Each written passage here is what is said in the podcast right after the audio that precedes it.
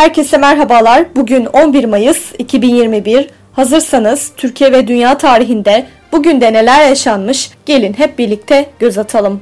Dünya tarihinde bugün yaşananlar 330. Konstantinopolis Roma İmparatorluğu'nun resmi başkenti oldu. Daha önce Byzantium denen bu kente törenle Yeni Roma adı verildi ama daha çok Konstantinopolis adı kullanıldı.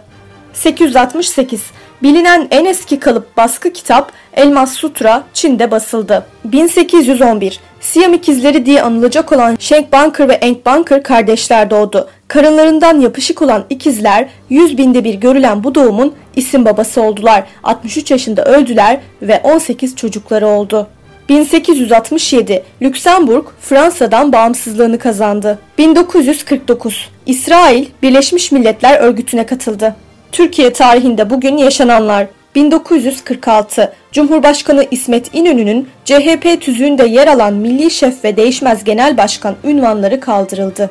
2013 Hatay'ın Reyhanlı ilçesinde arka arkaya iki patlama meydana geldi. Patlamada 52 kişi hayatını kaybederken 150'nin üzerinde kişi de yaralandı.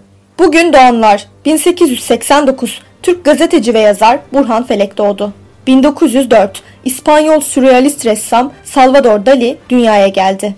Bugün ölenler 1954 Türk öykü yazarı Sait Faik Abasıyanık hayatını kaybetti. 1981 Jamaikalı gitarist ve şarkıcı Bob Marley vefat etti. Bugünkü bültenimizi de burada sonlandırıyoruz. Programımızda tarihte gerçekleşen önemli olayları ele aldık. Yarın da tarihte neler olduğunu merak ediyorsanız bizi dinlemeyi unutmayın. Yarın görüşmek üzere.